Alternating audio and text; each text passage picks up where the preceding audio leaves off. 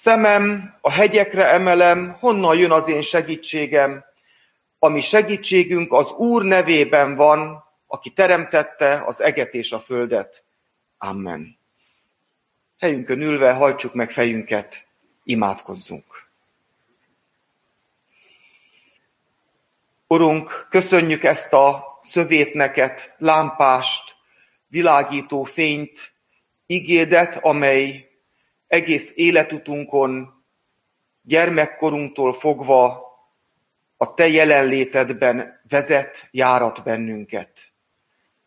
Köszönjük a gyülekezet közösségét, köszönjük, hogy nem egyedül magányosan olvassuk sosem igéd, valójában mindig a Szentlélek irányításával, testvéri közösségben.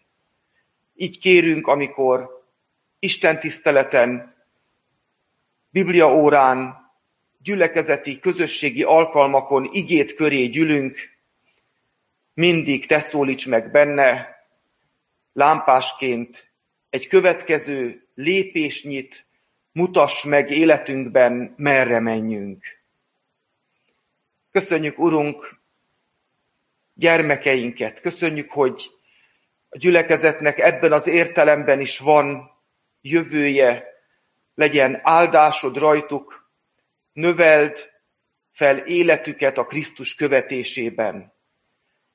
És köszönjük az előttünk járt nemzedékeket, köszönjük szüleinket, nagyszüleinket, azokat a lelki tanítókat, akik először kezünkbe adták írott igédet, akik először imádkozni tanítottak.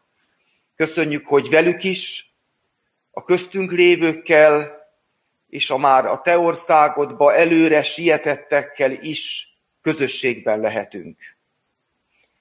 Most a gyermek Sámuellel kérünk egyen-egyenként minnyájan, szólj, Urunk, hallják a te szolgáid.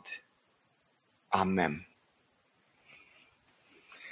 Szeretett gyülekezet, Biblia vasárnapon hallgassátok meg Istenünk igéjét, amint olvasom, ugyanabból a levélből, de két helyet is egybe kapcsolván Pálapostolnak, a Timóteushoz írott második leveléből, először az első fejezet ötödik versét, majd tovább a harmadik fejezet tizennegyediktől tizenhetedikig tartó verseit olvasom.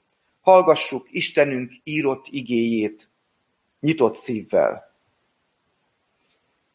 Eszembe jutott ugyanis a benned élő képmutatás nélküli hit, amely először nagyanyádban Loisban és anyádban Eunikében lakott, de meg vagyok győződve arról, hogy benned is megvan.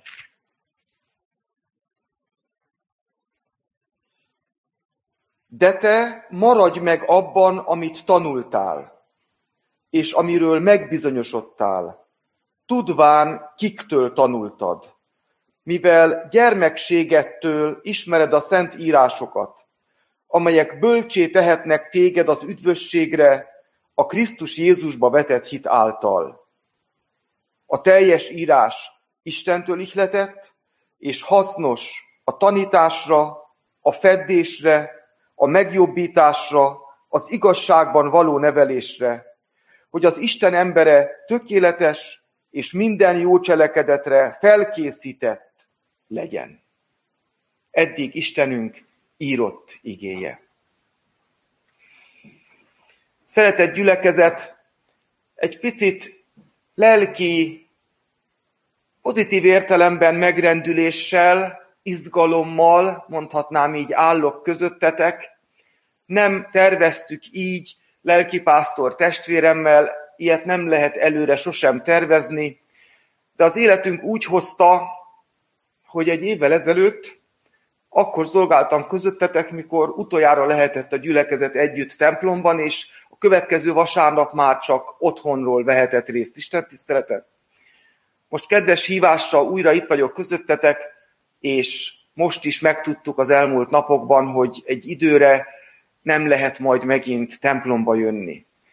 Így nekem biztos megértitek, különösen is felértékelődik ez, hogy a szent helyen és egy szeretett gyülekezet közösségében hajolhatok együtt veletek oda Istenünk igéje fölé. A Biblia vasárnap mindig, majdnem mindig, de mondhatom nagyságrendileg, nagyon-nagyon ritka kivétellel bőti időszakba esik, hiszen március első vasárnapjára tűzte ki sok-sok évvel az Anyaszent Egyház ezt a jeles napot, és bár a húsvét tudjuk jól mozgó ünnep, és majdnem egy hónapot is tud előre-hátra menni a naptárban, de gyakorlatilag az esetek nagyon nagy részében bőjtben ünnepeljük a Biblia vasárnapot. Így van ez idén is, és örülök neki, hadd mondjam így testvéreim, mert a reformátusok számára a bőjt az sosem csak arról szól, hogy mit nem veszünk magunkhoz, mitől tartóztatjuk meg magunkat, hanem mindig arról a célról is, hogy mire szeretnénk több időt szánni, mire szeretnénk odafordulni még nagyobb figyelmünkkel, mint az év egyéb időszakai során. És mi más lehetne egy ilyen cél, összpontosításunk tárgya, mint maga a Szent Írás, és tudom, hogy ez a gyülekezet rendszeresen olvassa, nem kell erre külön hívni, de mai nap hadd erősödjünk meg ebben is, hogy ha lehet, még az eddiginél is több időt szálljunk e bőjtben, Isten írott igéjére, legyen a mi nagy hétre készülésünknek, ez egy különleges eszköze, hogy igékkel, akár egy-egy ige megtanulásával tudatosan összpontosítunk a legnagyobb ünnepeinkre, a megváltásunkról szóló nagypéntekre és húsvétra. Így részben bőjti, és külön tárgya tekintetében Biblia vasárnapi ige szolgálattal készültem ma közétek. Azért olvastam testvéreim azt a külön kis versecskét a Timóteushoz írt második levél elejéről, mert a hosszabb szakaszunkban előfordult ez a kifejezés, hogy gyermekségettől tanítattál a Szentírásra, és az a kifejezés is, hogy tudod, kiktől tanultad. És nagyon kevés ilyen konkrét példa van testvéreim a Szentírásban, hogy Timóteusnak az édesanyja és nagyanyja is meg van említve a Szentírásban névvel. Az apostolok cselekedeteiről írott könyv 16. részében találkozunk úgy Timóteussal, hogy egy picit megtudunk a származásáról. Bibliai értelemben értsétek jól, most a bibliás korra vetítem vissza, vegyes házasságból származott, mint ott megtudjuk a cselekedetek könyvében. Tudni, hogy édesapja görög volt, és édesanyja volt egy hívő zsidó asszony. Itt Timóteusi levélben megtudjuk, hogy ugyanaz a képmutatás nélküli hit lakozott már édesanyjában is, és nagyanyjában is, mint Timóteusban. És én összekapcsolom ezt a két szakaszt, nyilván mások is, maga Pálapostól is a Szentírásra tanította Timóteust, de együtt olvasva a levél elejét és végét, én úgy látom, hogy olyan családban nőtt fel, ahol a gyermekségétől édesanyja, nagyanyja is a szent írásokra tanította őt. De persze, amikor ezt a szót kimondom, akkor ez elsőrenden az ő gyermekkorában nyilván az ószövetségi szentírásokat jelentette. Most én az új szövetség gyermekeként hadd olvassam ilyen kitágítottan a Jézusban beteljesedő szentírás az, amit szüleitől, nagyszüleitől már Timóteus gyermekségében lelki útravalóul kapott. És ezért, mielőtt a Szentírás céljáról és hasznáról szólnék a hosszabb felolvasott szakasz alapján, egy kicsit még álljunk meg, és hadd legyen egy néhány perc a szívünkben hálaadás azokért, akiken keresztül, akiknek elöljáró nemzedékeink áldásaként a Szentírást megismerhettük. A napokban olvastuk a kalauz szerinti rendben a János evangéliumában a lábmosás történetét. Én mindig, mikor ezt olvasom, nem tudok nem emlékezni, mindig eszembe jut, hogy gyermekkoromban, mikor nyaraltam nagymamámnál, mindig ő mosta meg a lábaimat. Ezt egy kicsi gyermek nagyon szívesen veszi, a játszás után, a por után, emlékszem jól, ez tényleg egy igazi lavor volt, ez vidéken volt, és nagymama fantasztikus szeretettel megmosta a lábaimat.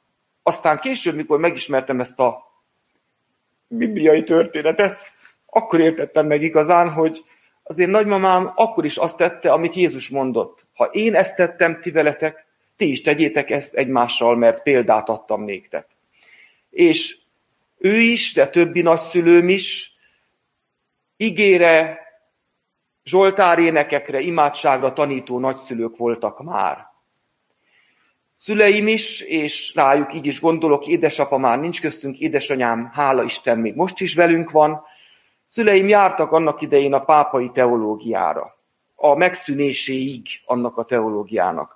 Aztán ők nem fejezték be a teológiai tanulmányokat, tehát nem lelkészi pályára mentek, de ifjú koruktól aktív gyülekezeti tagok és szolgáló testvérek maradtak, és eszembe jut, mikor először ugye mélyen bent az előző rendszerben, ezt csak azért említem, hogy jobban értsük testvéreim, amit most mondani fogok, szóval tényleg a 70-es évek végén mondtam nekik, hogy elhívást éreztem arra, hogy a lelkiszi pályára szeretnék menni, teológiára adnám be a jelentkezésemet.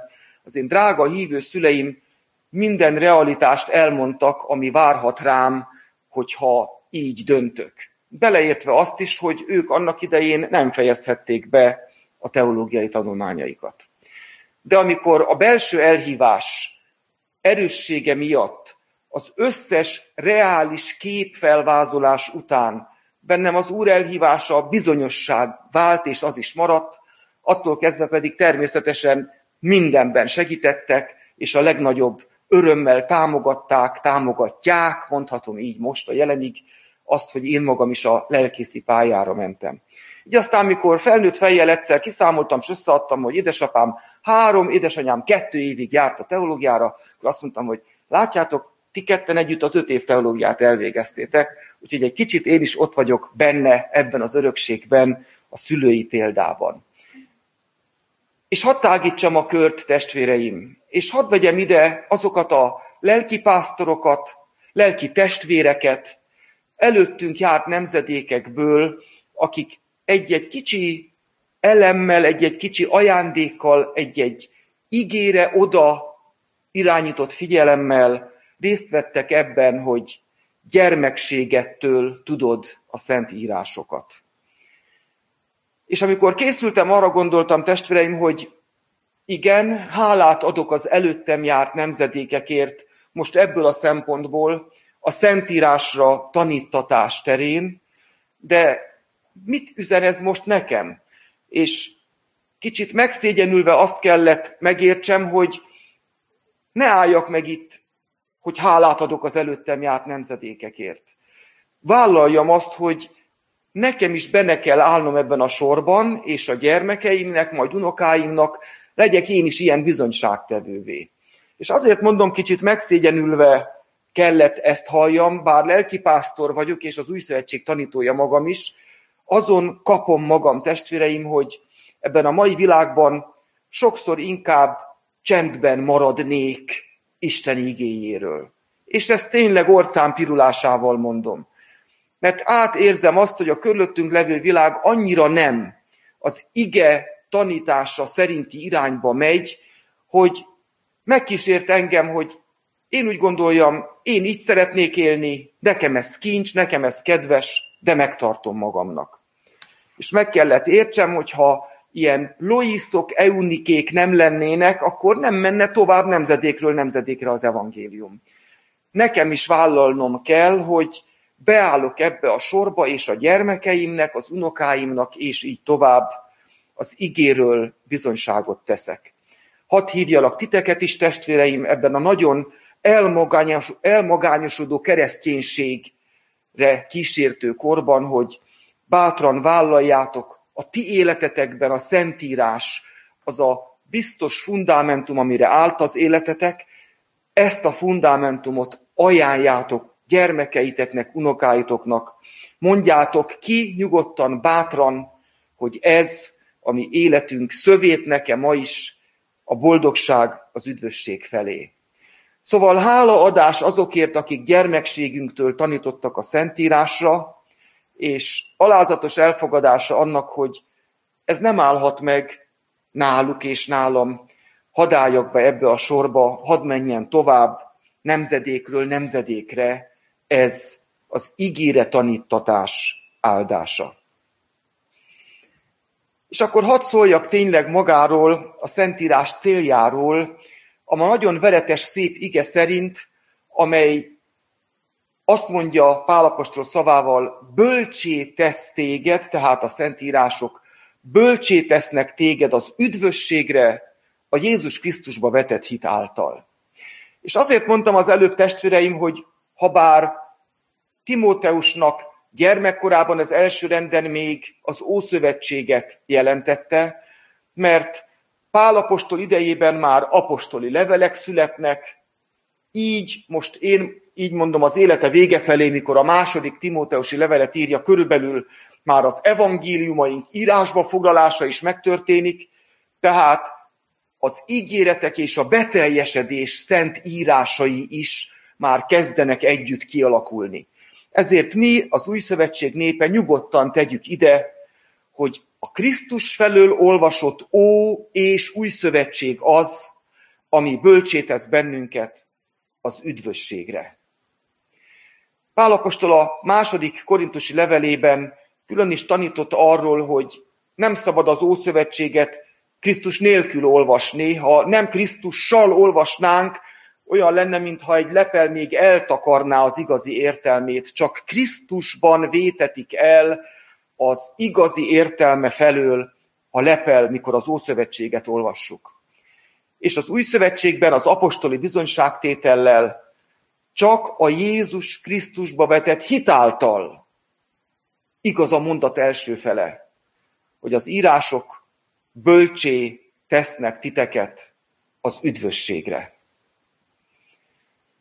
A napokban egy német televíziós csatornán megállt a szemem a, egy film elején, egy bemutatkozó fiatal ember vallott arról, hogy ő az evangélikus egyházban lett megkeresztelve, de felnővén most nem gyakorolja már a hitét, de elindult egy beszélgető társkereső útra, sokakat felkeresve ígértve ezt, hogy mit jelent nekik a hit és a szentírás a mindennapi életben. És ezt egy ilyen igazi, őszintén megvallotta, és nem is vonom kétségbe, egy igazi nyitottsággal tette, ő, akinek, ez az én szavam már, hogy sajnos a jelenében már nem tudja az egyház úgy megszólítani, mint amiről tudja, a szülei elmondták neki, hogy meg lett keresztelve gyermekkorában az egyik egyházban.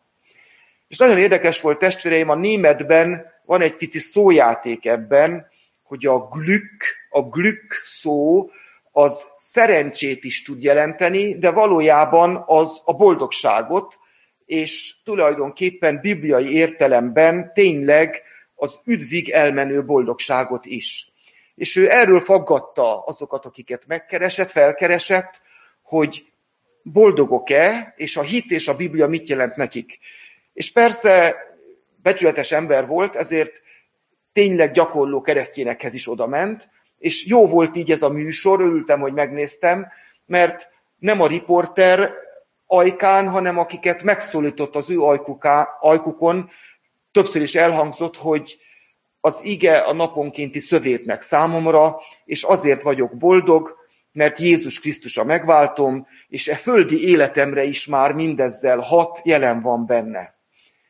És az volt bennem, hogy mondom, ez egy picit szójátékszerű, mi magyaroknak ez talán egy kicsit idegen is, de értsétek testvéreim, most így mondom, hogy a szerencse típusú e földön valamiben örömömet lelemtől eljutni a Biblia szerinti boldogságig, és az ige szavával az üdvösségig. Erre csak a Szentírás taníthat meg. Csak itt ismerjük meg a Krisztus megváltó haláláról, és húsvéti feltámadásáról szóló bizonyságtételt, ami a bűneinket eltörölte, és a lelke kitöltése örömhírét, amelyel itt a földi életünkben az újjászületett, a Jézust követő életre képessé és alkalmassá tesz bennünket. Ne legyen kisebb célunk, testvéreim, mint az üdvösség. A Szentírás erre képes. Bölcsé tehet az üdvösségre a Jézus Krisztusba vetett hit által. Földi célok is lehetnek értékesek. Igen, egy szép napot eltölteni az Úr ege alatt napfényes időben, hadd okozzon örömöt. Éljük át Istenünk teremtett világa feletti boldogságunkat is. De a mi hitünk szerint a Szentírás nem csak e világban átélhető örömökre, hanem az örök életre, az üdvösségre tud bölcsé tenni bennünket. A Szentírás célját tehát így foglalom össze, a Krisztushoz vezet el, benne a megváltómat találhatom meg, és e földön új életben járhatok, amely nála az ő országában örök élet is. A Biblia az üdvösség szóval foglalja össze mindezt. De nagyon örülök, hogy Pálapostól nem állt meg itt, hanem még egy olyan kifejezést is használ, amit a hitvallás íróink is átvettek tőle, gyermekségünkben mi is megtanuljuk lelkipásztorainktól, hogy például a Heidelbergi KT többször is fölteszi azt a kérdést, hogy mi hasznát veszed mindennek, ha mindezt hiszed. Szóval a Szentírás hasznos, mondja Pál itt a Timóteusi második levél harmadik fejezetének a végén. És nyilván testvéreim nagyon sok mindenre hasznos, ő nem egy teljes felsorolást ad itt, de kiemel négy elemet, és mi is mindegyikről röviden halljuk meg, miért, vajon miért tartotta annyira fontosnak, hogy ezt a négyet külön ki is mondja, hogy mi mindenre hasznos a teljes szentírás. Először a tanításra. És ezt most úgy mondom, testvéreim, mint aki örömmel részt vettem egy gyülekezet közösségében, egy hete a hirdetésben is hallottátok, én most hadd tegyek bizonyságot arról, hogy beosztott lelkipásztorunk, Szennár Simon testvérünk megvédte a doktori diszertációját, megvolt ez a szép alkalom pénteken a teológián, és nagy örömet okozott nekem az ő írott műve, Calvinnal foglalkozó műve, amelynek sok Calvin írásmagyarázatát áttekintő pontja között az egyik Simon testvérem számára és nekem is egyik legkedvesebb az a felfedezés, hogy Calvin számára a tanítás elválaszthatatlan a személyiség formálódásától, az életvitelünktől. Nem egy önmagában való tant tanít, hogy el tudjuk mondani, vissza tudjuk idézni a Szentírás, hanem a tanítás azért van, hogy az életemet útba igazítsa, segítse. Szóval egy ilyen a földi életre, az életre utat mutató hasznos tanítást keres. Keressünk együtt bibliaóráról, istentiszteletről, istentiszteletre, közösségi alkalmakra a Szentírásban. Az apostol annyira realista, hogy hozzáteszi, hogy a feddésre is hasznos a Szentírás. Igen, ebben a levélben, és már az első levélben is, amit Timóteusnak küldött, de ebben kicsit hasonlít még a Titushoz írt is, amit néhány hete a gyülekezet folyamatosan végig átvett, hogy sajnos tévtanítókkal is kell foglalkozni. Pálapostól korábban is így volt már, nem mindenki úgy tanította a Krisztust és a róla szóló igéket, hogy az az egészséges tanításnak megfeleljen. És akkor az apostol azt mondja, ha valakit helyre kell igazítani, akkor ott a szentírás legyen ennek az eszköze. Akkor nem lesz bántó, mert akkor nem én mondom valakinek, hogy testvérem ebben változ, hanem együtt oda megyünk az igéhez, és az ige megfed, és megváltoztatja az életemet. A Szentírás hasznos a feddésre, hogyha valamiben más útra térnék, ott rámutasson, ez nem az Isten akarata szerint való. Térjek vissza Krisztusomhoz az ő igéje útmutatása által. És hasznos harmadszor a megjobbításra. Nagyon érdekes kifejezés ez. Tényleg körülírva így írhatnám egy mondattal körül, hogy a helyes útra visszavezetésre és az azon járatásra hasznos a Szentírás. Igen, az út szavunk a magyarban is sokszor összefügg az életút kifejezéssel, és valójában a Szentírásban is van ilyen kapcsolat. Egy helyre igazításban az életutunk megfeleljen annak a célnak, ahová majd el kell érkeznünk Isten akarata szerint. Ez a fő célja. És a Szentírás hasznos arra, hogy a jövő héten konkrét kérdésekben eligazítson az újabb igei zsoltáros képpel szövétnekként, lámpásként mutassa a következő lépést, hogyha letértem az útról, visszavezessen, és a Krisztus szerinti célba érkező úton pedig járasson. Ezt az útba helyre igazítást Isten igéje végzi el életünkben. Lelkipásztor testvéremmel pár szót arról is váltottunk az Isten tisztelet előtt, hogy a gyermekeink is most teljesen online oktatásra állnak már át. Itt most a nevelés szó is előfordul, ezt juttatta eszembe ezt a kis beszélgetésünket. Hasznos az igazságban való nevelésre. És nem szoktunk Isten tiszteleten görög szavakat mondani, csak azért mondom, hogy itt a paideia szó van, mert szerintem ezt ilyen nemzetközi nyelvekből átvéve mi is értjük. Tulajdonképpen a pedagógus szavunknak is rokona ez. A tanítás, nevelés bibliai szava az, amiből aztán az európai népek is ezt átvették. Egy olyan tanítás, ami gyermekségtől fogva nevel. A zsidókhoz írt levélben ugyanez a kifejezés úgy is szerepel, amit néha a magyarban fenyítésnek fordítunk, de itt most arra az oldalára tenném a hangsúlyt testvéreim, hogy egy tanár is meg kell mondja a gyermeknek, hogyha rossz fát tett a tűzre. Tehát a nevelésben annak a bátor, szeretetteljes kimondása is benne kell legyen, hogy a gyermek ne tehessen rosszat. Mikor a gyermekeink kicsik voltak, drága párommal, mindig attól féltünk a legjobban, amikor láttuk őket valamilyen veszélyes tárgyal játszani. És persze, hogy örültünk annak, hogy a gyermek játszik, és a világot megismeri, de ha mondjuk a, a konnektor közelébe ment nagyon, akkor azért attól is óvtuk. Tehát valamilyen módon a nevelésnek kell legyen féltő szeretettel, védő, fenyítő, ha kell, értelme is.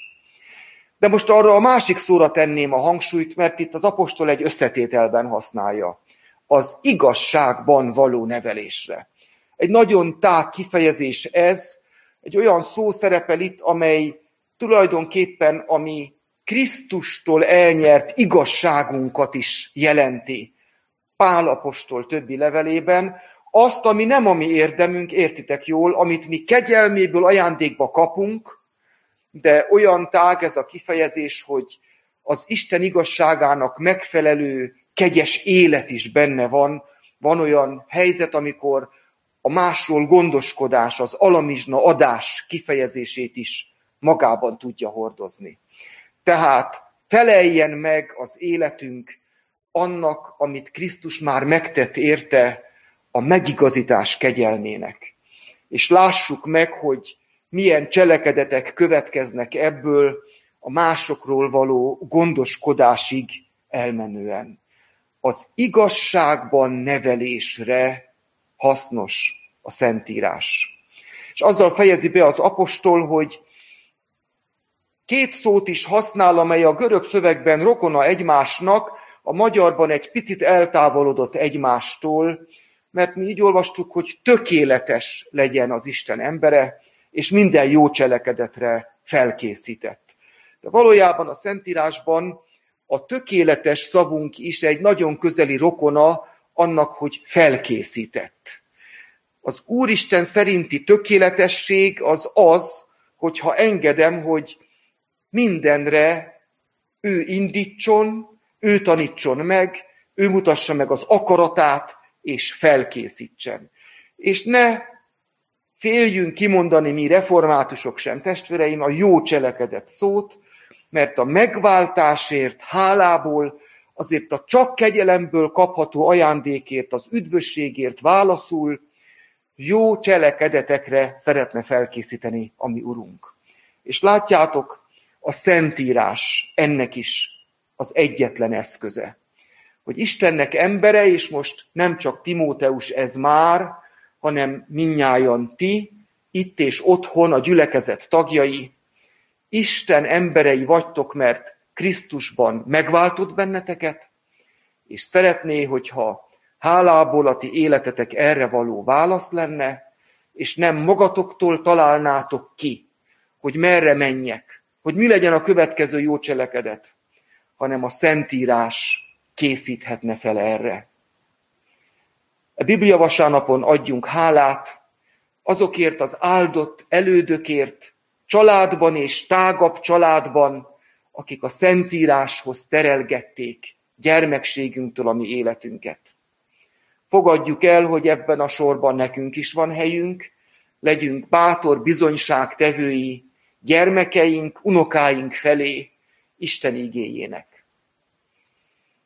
Erősödjünk meg ezen a vasárnapon is abban, hogy a Szentírás központi üzenete Jézus Krisztus, a belévetett hitre akar elvezetni, hogy benne a megváltómat tiszteljem, előtte hódoljak, és az életemet válaszul neki adjam.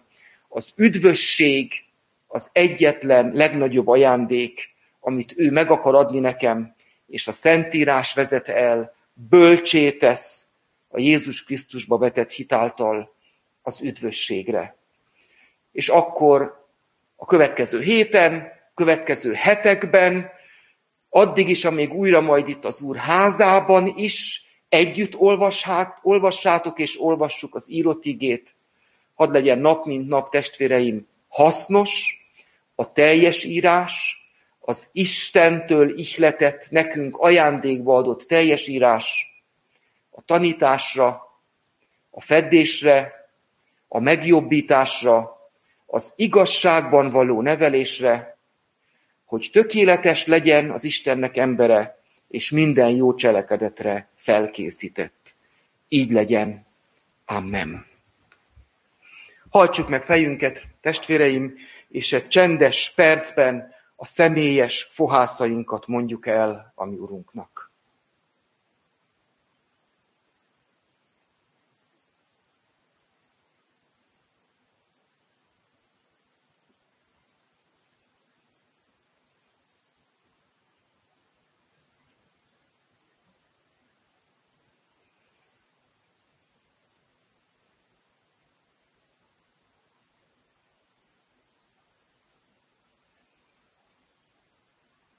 Urunk, köszönjük, hogy egy nagy család vagyunk a Te gyülekezetedben. Köszönjük a lelki testvéreket, atyákat, anyákat, de hadd köszönjük meg e mai alkalommal szüleinket, nagyszüleinket is, azokat a nemzedékeket, akik rámutattak számunkra fiadra, Jézusra, a róla szóló szent írásra. És köszönjük gyermekeinket, unokáinkat, segíts úgy bizonyságot tenni szóval és élettel feléjük, hogy ők is a Krisztusi fundamentumra, a biztos, megbízható, tőled ihletett igékre építsék életüket. Köszönjük testvérgyülekezeteinket, köszönjük Szent Egyházadat, és köszönjük, hogy az íge sok formájával élhetünk. Készítsd el majd újból azt az alkalmat, mikor sákramentumi ígéd is megpecsételheti írott, hirdetett ígédet. Urunk, szeretnénk ígédtől tanított, ígédre válaszul életünket neked odaszánt emberek lenni. A te szavaddal mondd ki rólunk is, hogy kegyelmedből Istennek emberei lehetünk. Ezt a hozzátartozásunkat hadd foglaljuk egybe, kérem a gyülekezet álljon fel, együtt mondjuk el, ami Urunk Jézus szavaival így.